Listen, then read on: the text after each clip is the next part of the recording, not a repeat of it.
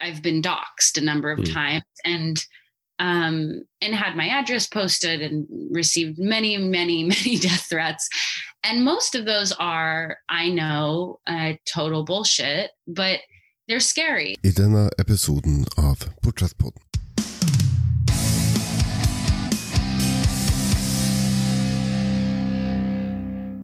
Du hører på Portrettpodden, en podkast hvor jeg intervjuer mennesker som inspirerer meg, som får meg til å tenke og så på å forstå mer av verden jeg lever i. Mitt navn er Mats Lassiangås, og sammen med min gjest, poet Olivia Gatwood, skal vi være stemmene i hodet ditt den nærmeste timen. Olivia vokste opp i Albuquerque i New Mexico, og et tilfeldig møte med slampoesi førte henne inn i en verden som har gitt henne stor suksess og et stort publikum. Olivia har raskt blitt en av de sterkeste og klareste stemmene i vår generasjon, og et stort forbilde for mange rundt om i verden, meg sjøl inkludert. Derfor var det ekstra stas at vi mot slutten av fjoråret kunne sette oss ned og ta en prat sammen om poesi, feminisme, cancel culture, det å være åpen og ærlig på sosiale medier, hvordan det er å være ung kvinne og ung poet i den tida vi lever i, og mye mer. Om denne samtalen har gitt deg den inspirasjonen du trenger til å gå ut og oppfylle dine mål, ser jeg på det som en æresbetegnelse. Og om du liker denne episoden og ønsker at Portrettpodden skal fortsette å bringe deg flere sånne historier som Olivias, kunne du kanskje vurdert å støtte Portrettpodden på Patrion. For 100 kroner i måneden kan du komme med din helt egen ønskeliste for fremtidige gjester. Du kan få dine spørsmål stilt i løpet av episoden, du kan høre episoden 24 timer før den slippes, og om du ønsker å ta det ett skritt lenger, får du også tilgang til videointervjuet denne episoden tar utgangspunkt i, og mye annet snacks. Ta en titt. Link ligger i beskrivelsen av denne episoden. Med det ønsker jeg dere riktig god fornøyelse, og her er Olivia Gatwood. If a story touches you, it will stay with you, haunting the places in your mind that you rarely ever visit. And I can't think of any other uh, or any better way to introduce my next guest. Uh, one of the most powerful and inspirational poetic voices of our generation, Olivia Gatwood. How are you? Good, thank you. Wow, I'm doing much better after after that. good, good. and uh, we, we started this on, on the on the right foot at least. Yeah. Yeah. Mm-hmm. Uh, here's hoping you feel the same way when you when we're done. Yeah. um, I suppose um, many of you might uh, um, might already know who you are, uh, but just give, give a, a, quick background. You're uh, a young poet from uh, from America. Uh, grew up in New in Albuquerque, New Mexico. Mm-hmm, mm-hmm. Uh, you've written uh, poetry collections New American Best Friend and Life of the Party, and your novel Whoever You Are, Honey, uh, is set to be uh, released this year. Start off how how does a poet uh, cope during a pandemic without losing her mind?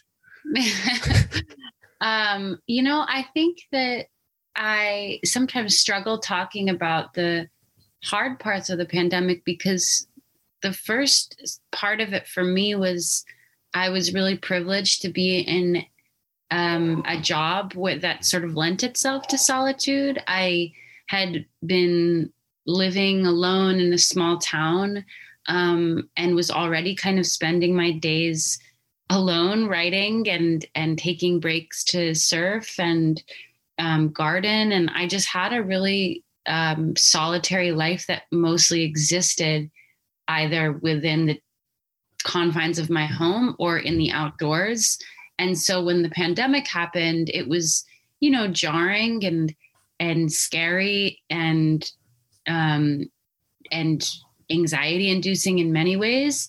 But for my own, because I was, you know, worried about my family and I was worried about my friends. But for the most part, my personal life was actually sort of flourishing which is like um, i i think that maybe you could say i was losing my mind a little bit by myself in my house but it felt really exciting and and like a really productive time to create because i had all this time to just mm-hmm. be in my own head and work and think. And so you know i think i've talked to a few writers during the pandemic who felt like it was sort of the perfect job to have.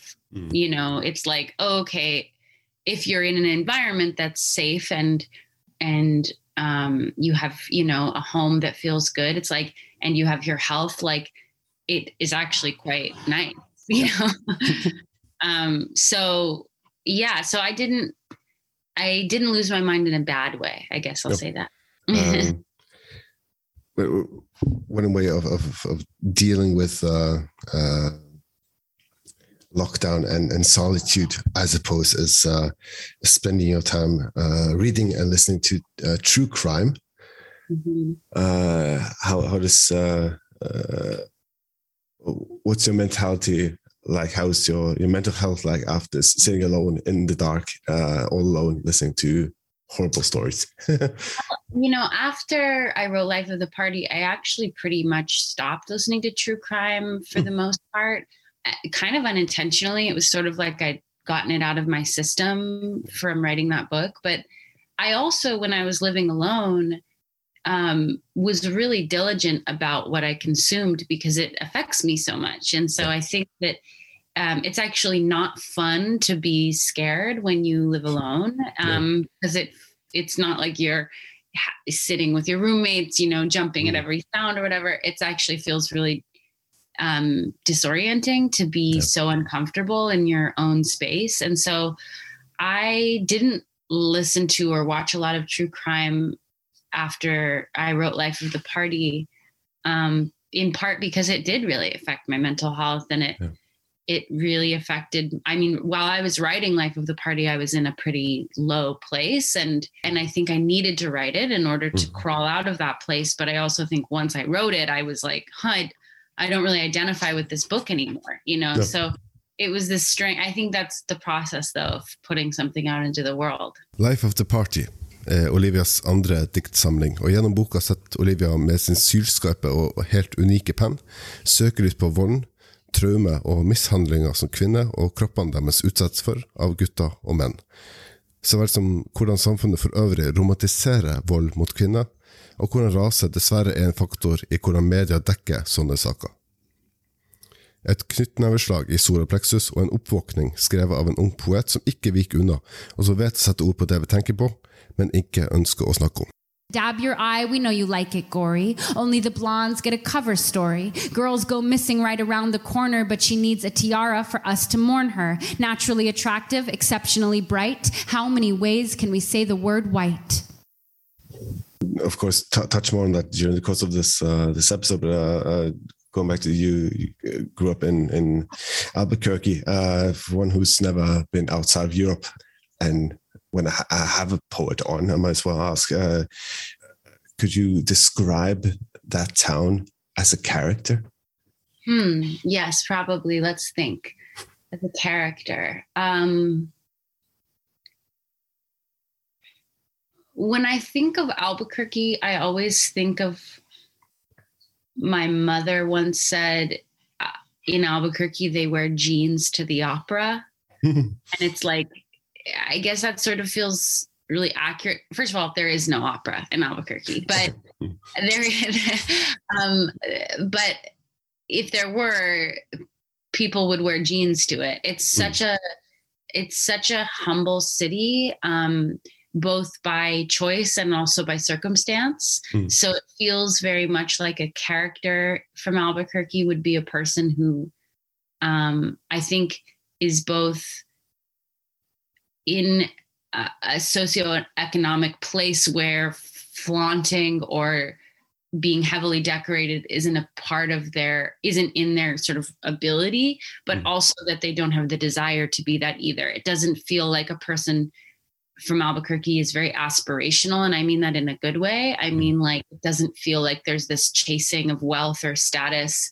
Um, I think that the people in Albuquerque very much reflect the environment in that it's isolated and at times feels really desolate and mm. feels really empty, um, but is also like extremely abundant uh, geographically and. Mm.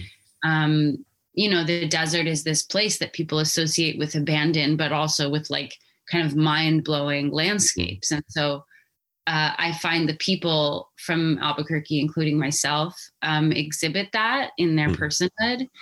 So you know, I think it. I think it feels there's a darkness to it, and also a, a, a deep, deep specificity. I've heard people who are not from Albuquerque slash New Mexico, or people who've never been, when they come, they feel like I've heard many people, especially people from outside of the US, Hmm. say it feels like the least American US city. Like it feels the least like you're in the US. Hmm. Um, and it's like sometimes that's because it feels like Mars, you know?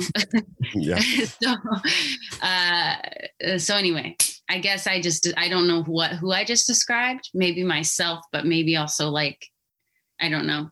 Um, so I'm also kind of imagining like a some sort of mythical figure.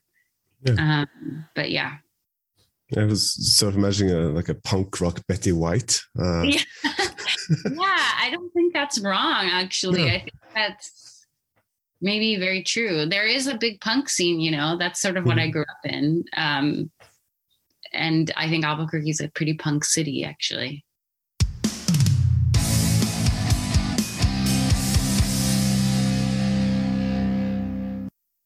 How, how does uh, uh, what similarities are there between uh, that character of, of Albuquerque and Olivia Gatwood? Um, I think that I have a darkness inside of me. I think that, and I think Albuquerque, growing up in Albuquerque is a big part of that. Um, when you grow up in Albuquerque, you, because of the nature of the sort of systematic violences that affect the city, I think it's a really common experience in Albuquerque to lose people at a young age. And so I've lost a lot of people, and I think I've witnessed a lot of violence and endured an, um, a certain amount of violence. And so I think there's that. And then I also think I feel really in tune with the natural world Hmm. um, by nature. I just do. And it doesn't, I don't always live in environments that are, you know, I live in LA right now. I lived in New York for five years. And so I don't always live in that. But when I'm in it, I think I do feel most like myself. Mhm. I, um, I think that there is a way that I'm maybe more I, I'm more aspirational with regards to status Hmm. Than some of the people I love in Albuquerque, like my parents. But I think there is a part of me that will always remain fairly, you know, I, I'm just thinking about the fact that I've been like trying to like buy nightstands for my bed and like first of all, the whole thing of buying two identical nightstands that go on either side of your bed is like kind of a foreign concept to me because I like grew up in a house where like mattresses were on the floor, sort of thing. Mm. And so doing that alone is already out of character. But I keep just coming back to being like, why would I buy nightstands when I can just go to Home Depot and get onion crates and like put those next to my bed? It's like the same thing as these 250. Anyway, that's very, I think that's very. I have the money to buy nightstands, but I just, it's like the part of me that grew up in this town where everything is like sort of homemade. I just am like, why would I do that? Mhm. So, yeah. Yeah. Just because you've got money doesn't mean you have to spend it. Yeah, exactly. And especially not on something like fucking nightstands. No. Yeah. Uh, yeah, and just as I said, I forgot to mention before we started recording, you swear as much as you like. Okay, cool, Yeah. cool, cool. Thank you. Reason I uh, wanted you to, to, to describe it is that uh, I feel there is this sort of um, uh, light-hearted darkness in your in your in your writing. Is that you you touch on these uh, really serious uh, and important topics, but we do it in such a way that that every, everyone has sort of a, like a gateway drug, you have their own entrance into it, like uh, uh, sexual assault or, the patriarchy or, or white middle-aged men in general, or um, being a, a young woman in America in the 21st century. That's um, well, you, you spin it in, in such a way that uh, it's not daunting. You you you you you're able to grasp it as a reader, but you're not uh, scared away by the magnitude of it. Mm, that's so kind of you to say. I really appreciate that. I think that um, I I feel like it's really important for me for me to have accessible work and I Mhm.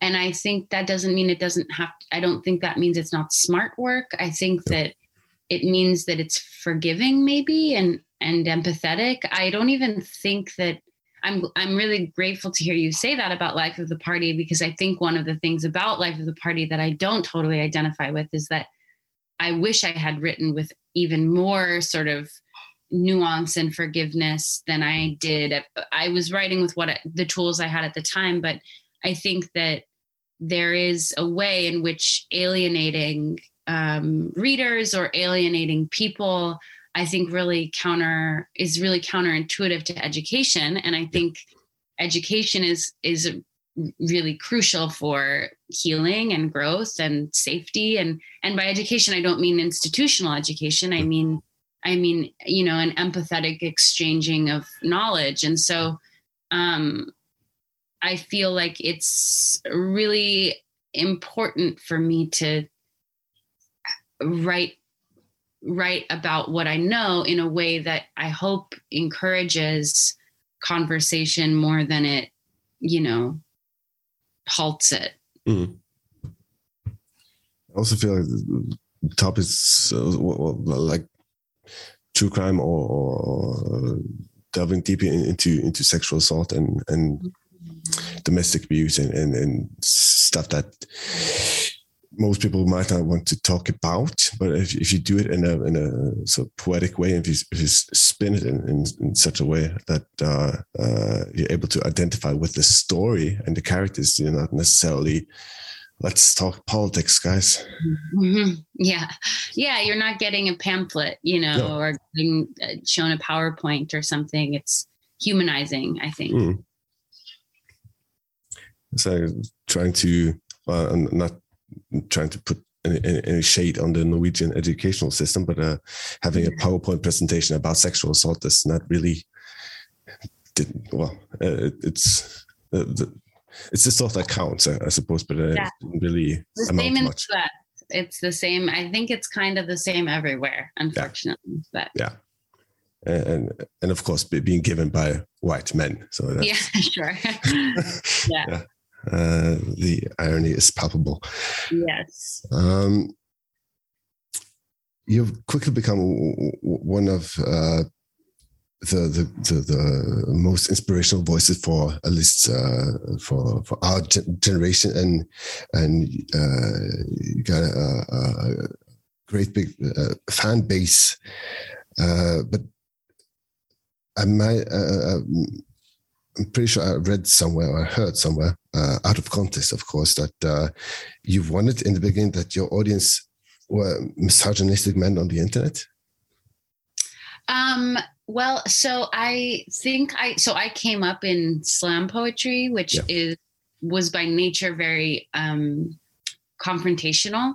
Mm. And so my earlier work I think came was written from a place of anger but but also very pointed. Like I Mm. felt like when I wrote a poem I needed to be writing it to the people that need that like I felt like needed to learn something. So um it was very much it was a lot of sort of like yeah just kind of confrontational Mhm. uh poems and and i'm still proud of that work and i still think there's value in it what i th- i think i also realized and and sometimes like kind of continue to realize over and over is that you know i'm not like really interested in in martyrdom personally um and i'm not really i'm using that word uh hyperbolically and i'm also not because there were times that i my work uh accessed a particular corner of the internet where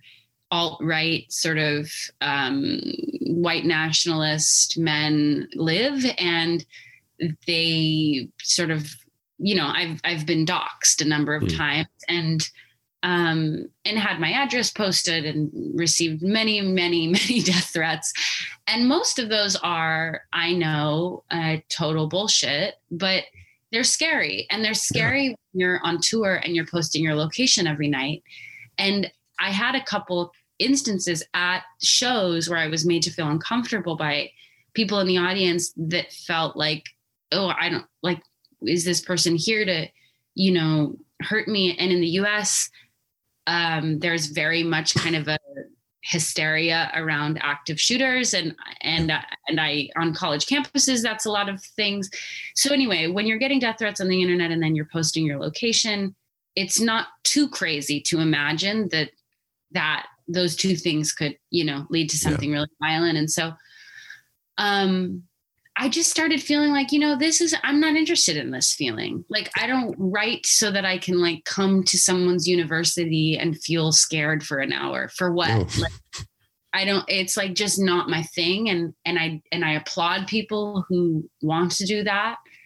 But I just was like, I don't, I think this writing in this way. And that's not to blame myself, but it is to say that I noticed a, an extreme difference when I started writing in like a tender, caring way for girls.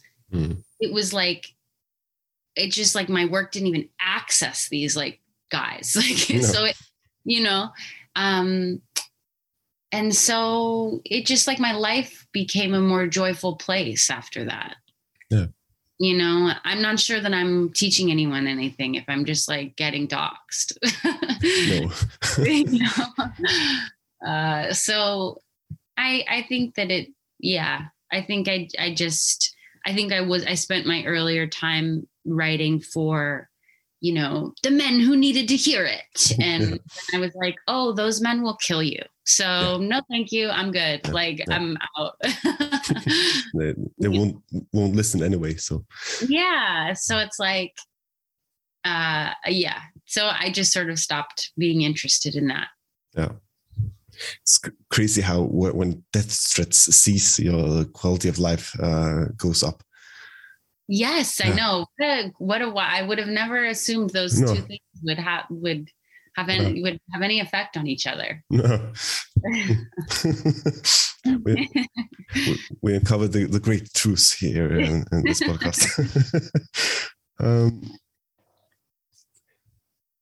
like I say, you, you become a, a, a, an important voice to to many uh, young girls um, over the years, and and sort of become like a, a surrogate big sister uh, someone who, who, who, sort of not, not, watches over them. That sounds a bit creepy, but uh, takes care of them from uh, from the, the, pages of, of the book or on stage. Um, but uh, it's, it's, it wasn't always a given that you would turn to uh, poetry because you were into soccer in high school. Yeah. Uh huh. Yeah.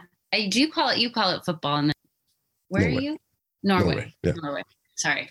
Um, I guess they call it football literally everywhere, but the yeah. US. Uh, because they mostly use the foot.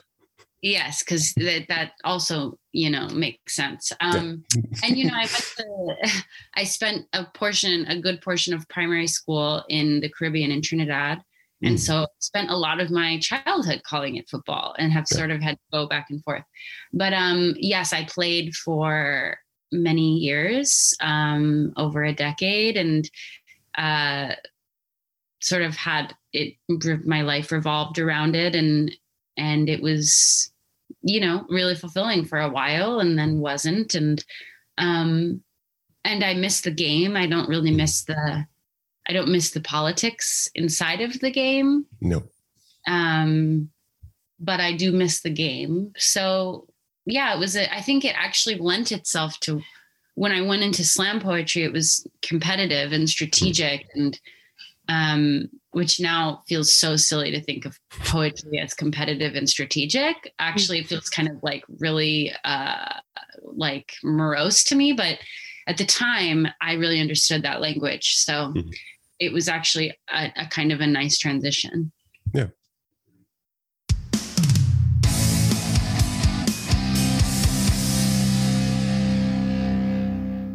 Liker du det du hører så langt?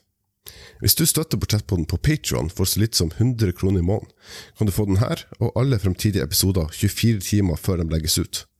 Du kan også ønske deg din drømmegjest og få dine spørsmål stilt i en episode. Link ligger i beskrivelsen av denne episoden. Takk for oppmerksomheten, og nå Tilbake til Olivia Gatwood. looking beyond the misogynistic men on, on, on the internet and and uh, delving, uh, focusing more on on the, the nice audience you have uh, these days. Uh, uh, like I said, you, you're, you're uh, an important voice to, to, many young young girls out there. Um, are, are, you comfortable being labeled a role model? Um, yeah, I am. I feel like the audience I have, I'm really lucky to have such a kind audience. I mm. I really have such a kind readership, and um, there are t- there are times when I think, uh, as my perspectives on the world have changed, I've also at times felt at odds with parts of my readership. Not mm. obviously all of them, but um specifically around abolition and and how to mitigate being both a woman that advocates for you know safety and and accountability and and and like you know uh, wants to fight against sexual violence mm. while also being a person that does not want to advocate for prison yeah. um, and those two things i think feel very opposite to a lot of people and so as my opinions and perspectives on that have have changed my i've found at times that parts of my readership i think feel sort of let down by that. Um, but that's a relationship you know that's like i'm a person and i'm a person who started getting an audience when i was quite young and you know my perspectives are always changing. So i am comfortable being a role model because i think that that is I think that's also important for young people to see is is people grappling, you know, with who they've been and who they are. And um and I really valued role models when I was younger. I really looked up to certain women and I remember really vividly like what I wanted from them and what I craved. And and how valuable their insight was. And so if I can offer that, I feel really grateful to do that. I hmm. don't feel very much pressure also because luckily I've never been the most censored person. So I'm not struggling with the like Disney star, child star becoming sexual pipeline. I've sort of always been uh, fairly, you know, PG 13. But mm-hmm. um, yeah, I think I feel good. I think I feel good about being a role model. Yeah.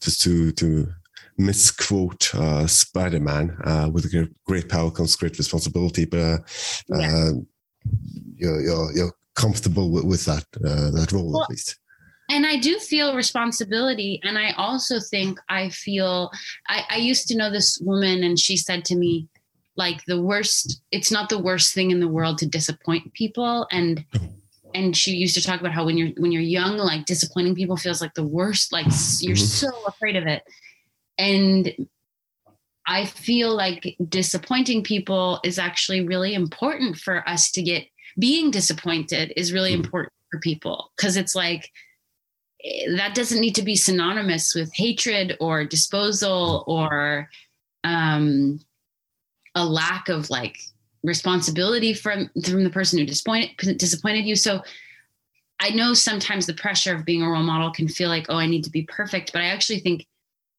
presenting yourself as perfect or like in any way, politically, physically, emotionally, is actually really detrimental for the people that are looking up to you yeah. um, and alienating. So mm.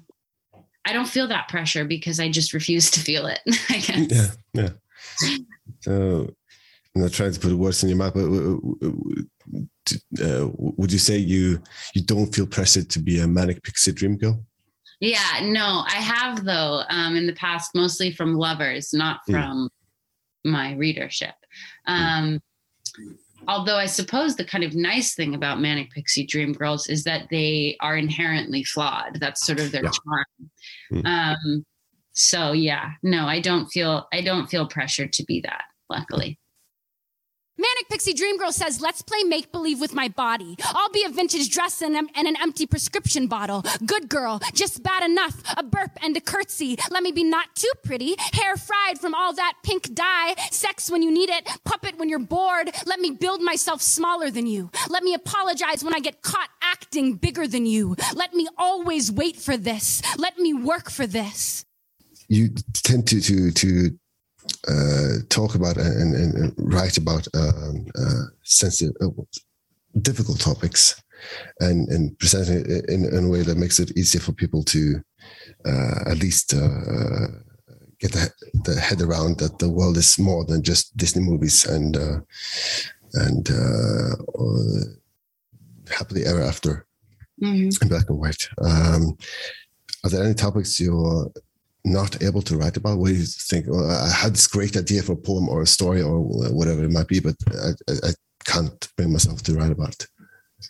I think that there, yes, I I have familial dynamics in my life that I've never publicly written about, and mm.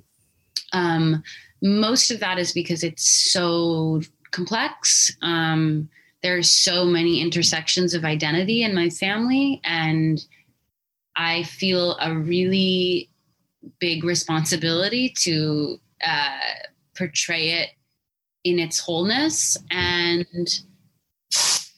i think i am capable of doing that. I also feel like i just want to be really responsible about when i do that and and in what form and because it's people's lives and it's people's identities beyond my own. And um, i don't feel an emotional block when it comes to writing about things really. Um, but i do think i have an awareness of of yeah I, I just want to get things right you know and i think there are certain things that are easier to get right than others. And yeah. my relationships inside of my family are really complex mm. and they're complex to like explain to my friends you know so like i don't like writing about it is like i'll need to probably just like write a whole book and mm. that is a big feat and so yeah. i probably won't do that for many years but no. yeah. mm. kind of the only thing though everything else is yeah. is is free rein yeah. yeah, fair game. There you go. I was trying to remember the phrase.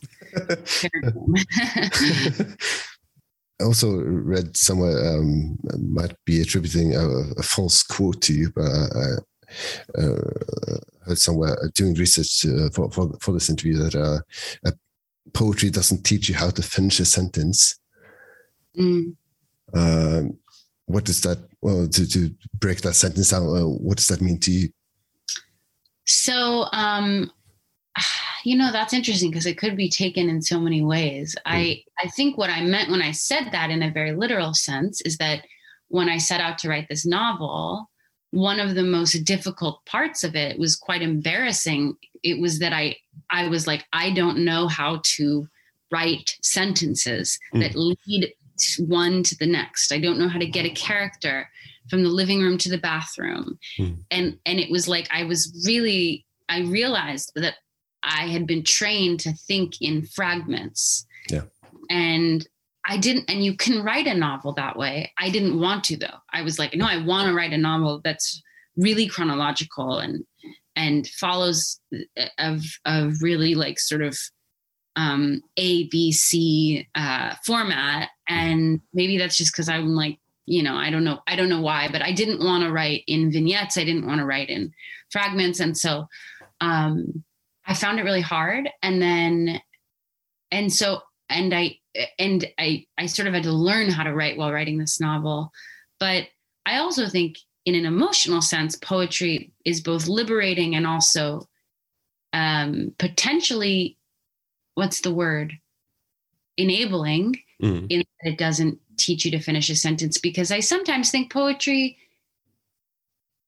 I don't know that it always, in its best, it encourages us to grapple with with ourselves and and and what we know and what we don't know mm. and in its worst it it's its lack of rules i think sometimes can enable uh, a certain amount of creative freedom that maybe is enabling. I don't know how to say this. I'm and i i should be clear i'm not really thinking about anyone else. I'm not judging anyone but myself really. I'm thinking about my old poems and how sometimes like i wouldn't really go there and it, i could just say well it's because it's a poem like my it's my creative hmm. this is like the way that I chose to express myself in this brief way. And I don't need to go any deeper and I don't need to go any further because the poem is what it is. And it's not to say you can't do that in fiction or essays. Of course you can. Writers are some of the most manipulative people. But I guess there's a way that I started to feel like poetry wasn't challenging me to to really ch- challenge myself anymore. Mm. Um, and I love poetry so much, but I think that is one side of it that if we're not careful, can maybe lead to a sense of self righteousness. I don't know. I'm, I'm like, am I going to get canceled for saying this? Uh, I don't want. I don't. I don't know. But I guess, yeah. I, I think that I've been kind of at odds with my poetry. Yeah. Yeah. just to touch on that, just to uh, dig a very very shallow uh, rabbit hole here. Uh, uh, what what are your thoughts on on cancel culture and and at least we'll uh, use an example the J.K. Rowling, Sure. very famous author, uh, had has gotten in some some rough weather the last couple of years. Sure. Yeah, I have so many thoughts on cancel culture. I could literally write a dissertation on it at this point. um, Please do. I think I'll I'll keep it sort of brief. I struggle with that phrase because in the US at least it's so associated with the right wing that it's like it's one of those things that if you start to like talk about it, you're like criticizing cancel culture and then like the person in the room is like, "Yeah, cancel culture is terrible, free speech." And you're like, "Wait, that's not what I meant." sort of thing. Um, so I've I've taken to renaming it uh, in just like disposability politics and moral perfectionism is what I've been calling it because th- that's the what about it I feel really critical of. Um, I, to be honest, have not followed the J.K. Rowling thing that closely. It it sounds to me like she has stood fairly like firm in her beliefs and it sounds like people are rightfully critiquing those beliefs and it seems like that's what's sort of happening um i guess the part of disposability that i don't agree with i don't i don't really believe jk rowling has been disposed of. It sounds like she has like a fairly firm stance and that's and and platform and there is disagreement on that. And that's it doesn't seem like the same level of shaming that I guess I see sometimes. And I struggle with what disposability and moral perfectionism is doing to our ability to ask questions and grow and come from somewhere that isn't perfect and come from somewhere where we didn't learn everything um, right away and Mhm. and I struggle with what that does to people's relationship to socializing. I think it's caused a lot of fear Mhm. and shame. And from what I understand in teaching workshops on uh, sexual assault, fear and shame does nothing for anyone. And in fact, can often create more violence. And I think that I think we have to really question the ways that we um, respond to wrongdoing. And I think, I don't think that being canceled is the same as going to prison, but I do think it's a valuable analogy to think about how we approach things, approach people as disposable. And we say, you did this thing, and so there's no coming back from that. You're the worst thing you've ever done. It's this is on your sort of track record forever Mm. um, if we're all acknowledging that we're growing up in this place that's you know, riddled with white supremacy and misogyny and transphobia and ableism, then we also have to reckon with the fact that many people are are going to reflect those beliefs until they know better. Yeah. And I just want to give people a chance to know better, I guess, because I've seen people learn and I've learned and everyone I know has learned and everyone I know is afraid of being canceled. And so if everyone you know is afraid of being canceled and everyone is afraid that something that they said 10 years ago is going to come to light Mm. and everyone is learning things new every day, then I don't know what the deflection is doing for any of us. No. If we're all kind of dealing with the same fears. Mhm. So I have taken sort of a personal vow never to take part in that again. I don't I won't take part in um in humili- humiliating people on the internet, even if what they did hurt me. Um because I just believe in that that there's a different, more restorative approach that I would want people to give me. And so Yeah. that's what I want to give people. Yeah. Um, interviewed uh, Lemony Snicket a few weeks weeks ago. Oh wow. How'd that go? It was great. Uh, it was uh, it was a lot nicer than I imagined him to be. Yeah. sort of like a very sweet uh, fifty-year-old man, just Wow. sipping coffee and talking about literature, Huh. and not not at all like the character in the books, of course, but. Uh, Yeah.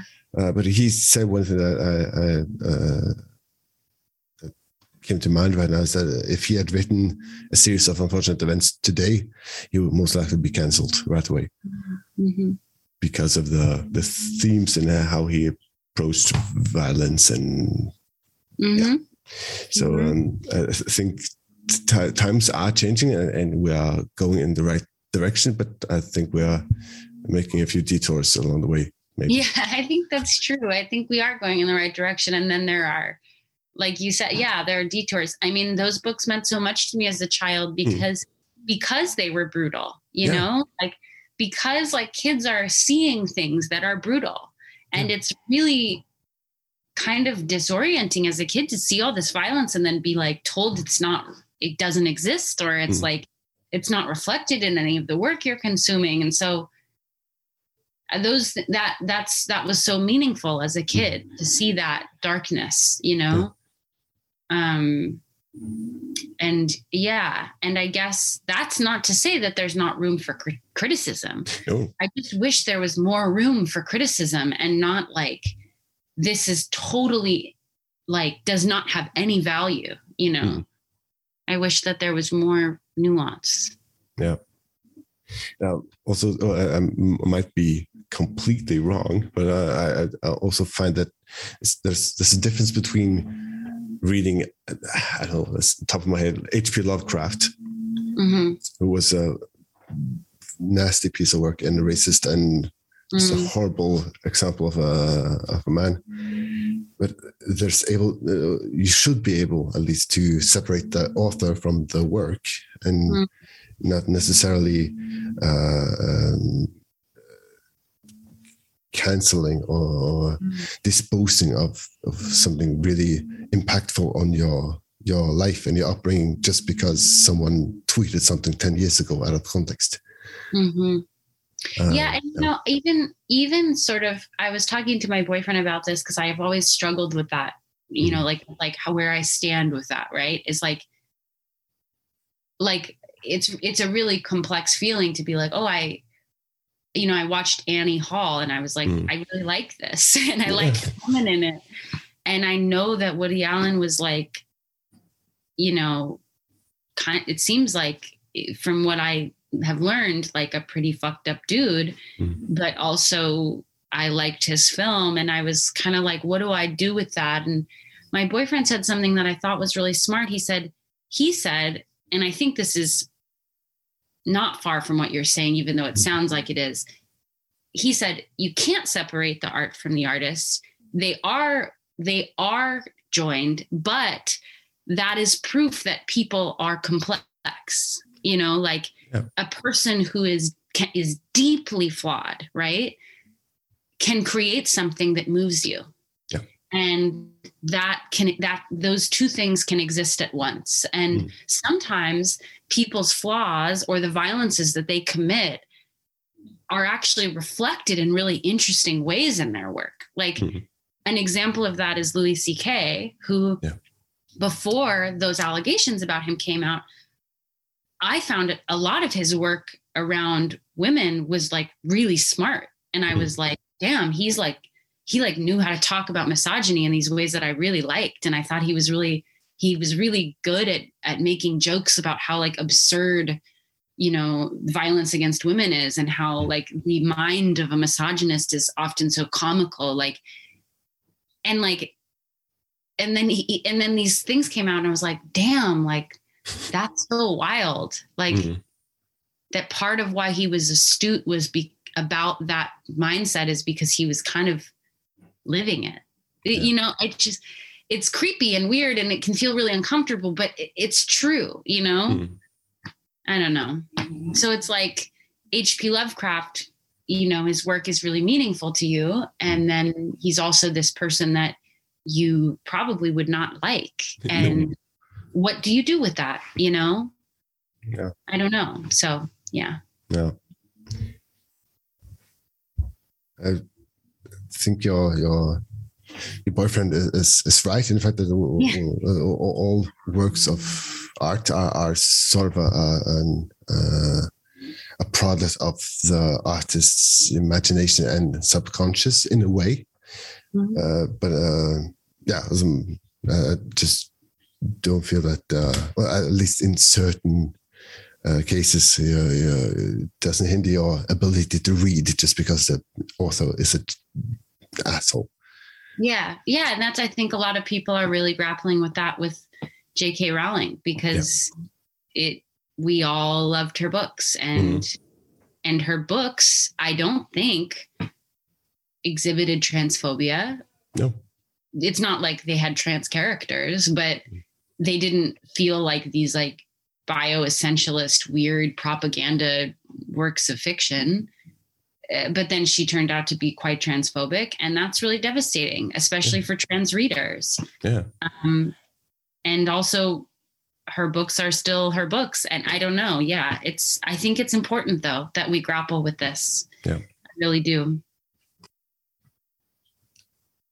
As long as uh, so, so, something good comes comes out of it, uh, um, I'm, I'm I was going to say I won't stand in the way of it, but uh, that sounds completely wrong. But uh, I, well, we, we uh, let's just say that I, I, hope we, we come out of it uh, uh, better as uh, than we were going into it.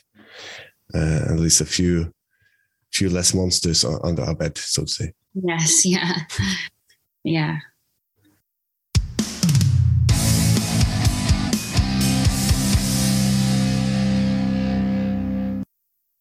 I have to switch gears a bit, uh, talk about something a bit, bit more uh, pleasant. Um, uh, you, you, you mentioned you had uh, uh, role models uh, that you looked up to uh, when, you, when you were young. Uh, what sort of role models has, has shaped you in your, in your writing?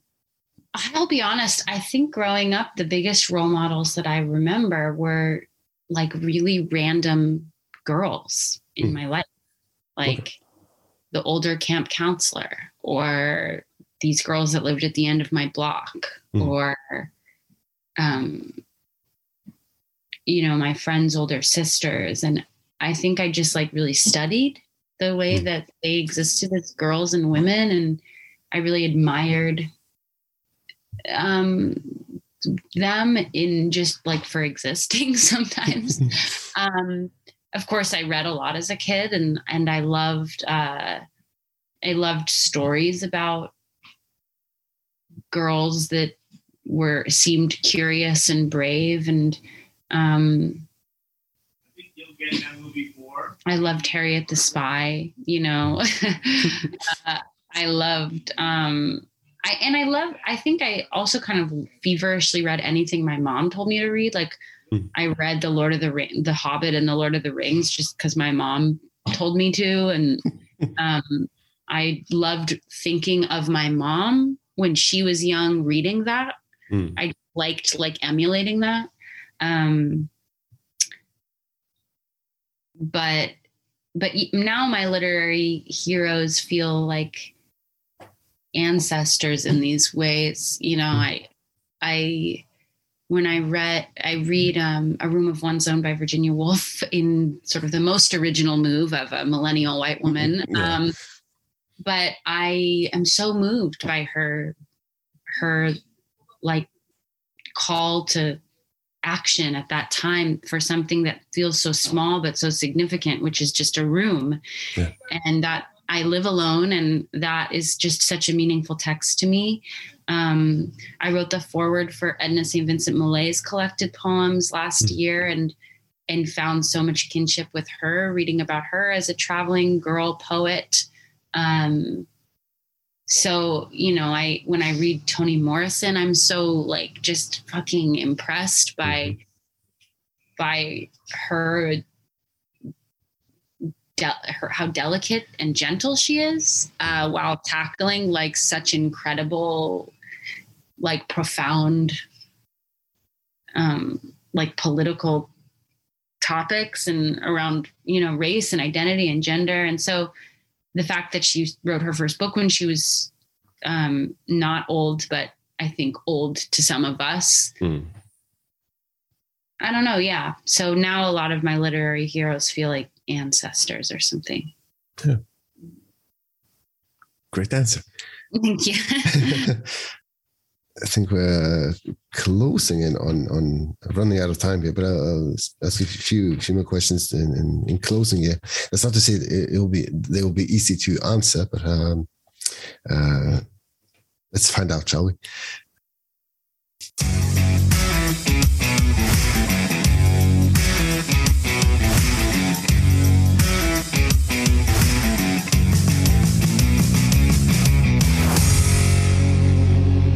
Spørsmålet fra lytterne. I denne episoden hadde vi dessverre kun tid til ett spørsmål fra dere lyttere, men for et spørsmål det var. Som du får høre, er det et tema bredt nok og viktig nok til å dedikere en hel episode til.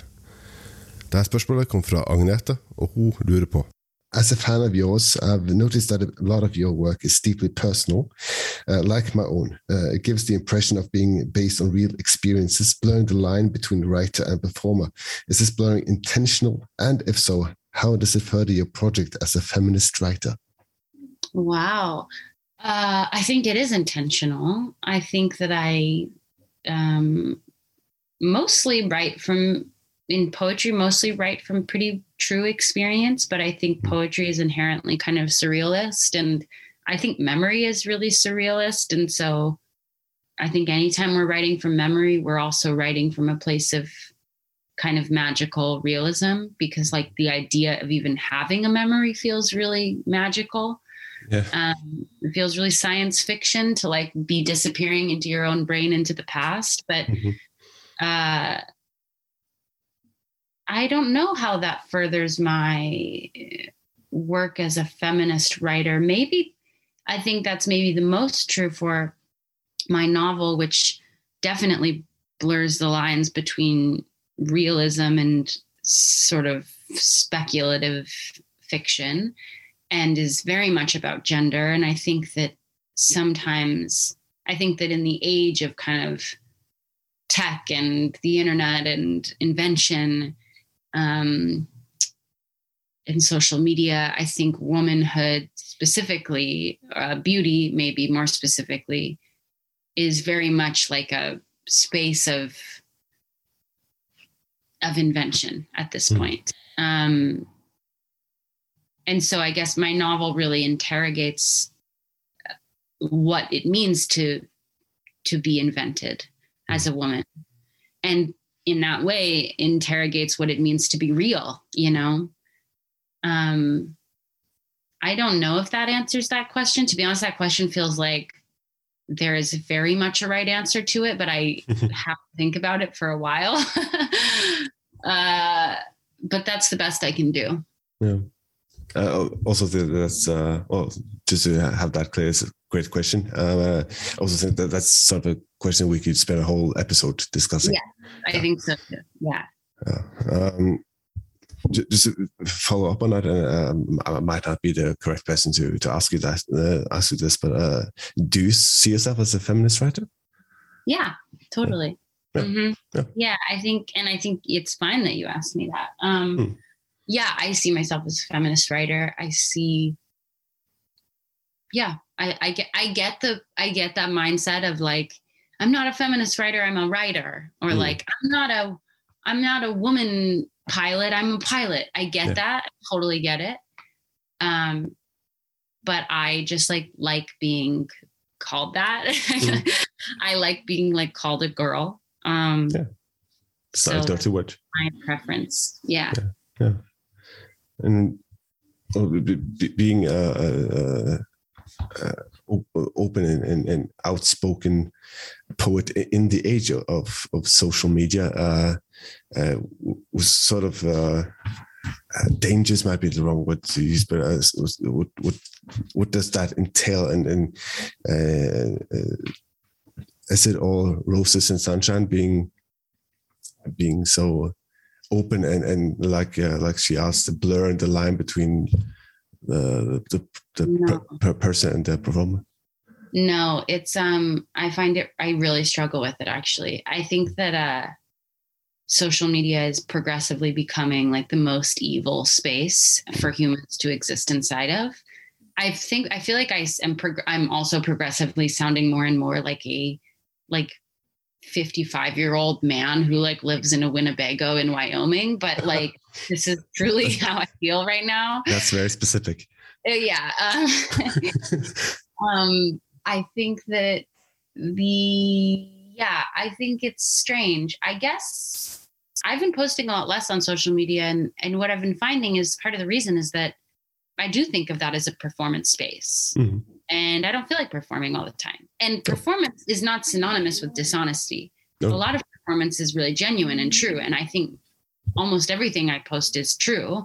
It's just not it's not the entirety of who i am and and sometimes i don't feel like cherry picking my identity and sort of you know putting it on the internet. And so uh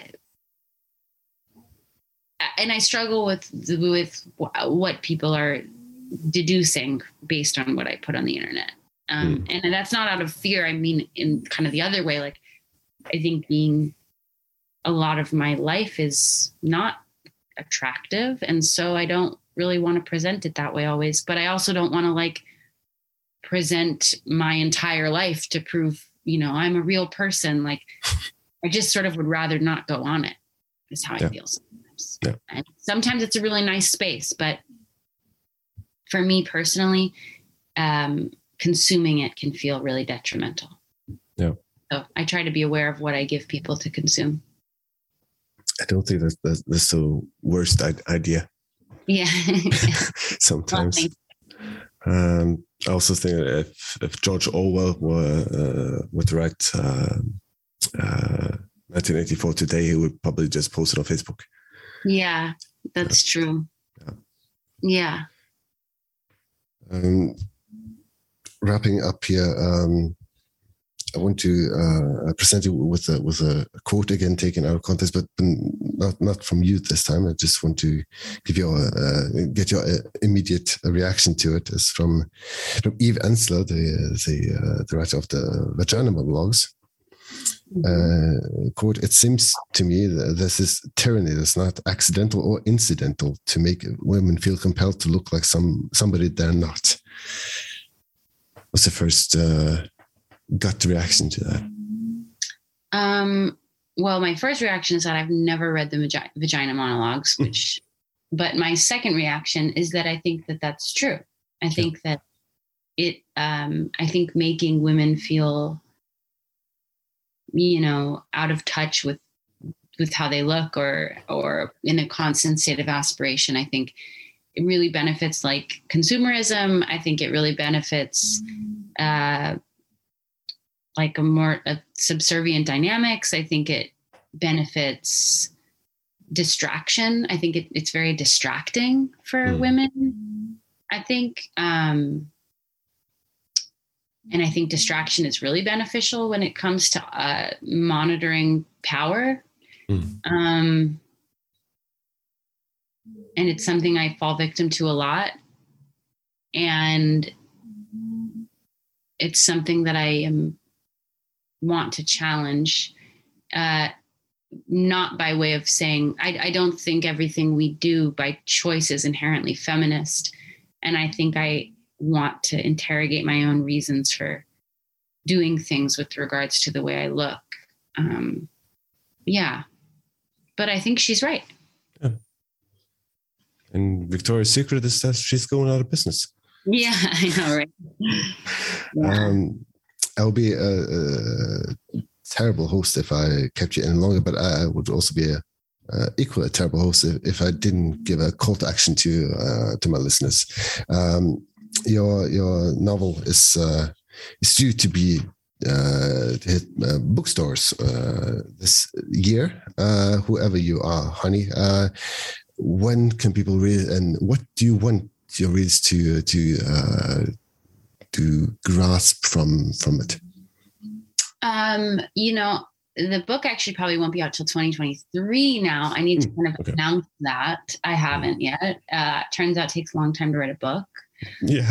Who knew? Uh, yeah. Uh, but in the event it comes out, which it will, just might be a little longer. Um, I want my readers to, I don't know. I don't think there will be very many surprises. And I say that in a good way. The book is very different from anything I've written, but it's very me. So, um, I don't know. I, I don't, I guess I kind of don't, I kind of want people to just go into it. I don't really want to prepare them. Yeah. Then uh, let's try to to uh, do another recording once the novel is out, and we can talk, talk Yes, more about it then. Um, Yes. We've uh, uh, discussed a lot of things during this uh, this episode. Um, not a lot about poetry, but the the woman behind uh, about- the poetry. It's all about poetry. Uh, it's been a huge pleasure uh, spending well my my evening, your morning uh, with, with with you uh, across the across the ocean, and um, uh, yeah, it's, been- it's been a pleasure having you as a guest finally, and um, uh, thank you so much for for agreeing to do this. Thank you. Thank you so much for having me. Du har hørt på en episode av Portrettpodden, en podkast med meg, Mats Lasse Aas, og min gjest i denne episoden var poet Olivia Gatwood. Min takk til Olivia for at hun tok seg tid til å være med. Har du gjort deg noen tanker mens du har hørt på? Har du ris eller ros eller tips som skulle komme, kan du rette til Portrettpodden sine Facebook-sider, eller på e-post til portrettpodden at gmail.com. Alle lydklippene i denne episoden er benytta under sitatrett. Portrettpodden arbeider i henhold til Vær varsom-plakatens regler for god presseskikk. Tips gjerne en venn eller to om denne episoden, og husk at du kan støtte Portrettpodden på Patreon. Takk for at nettopp du hørte på, og vi høres snart igjen.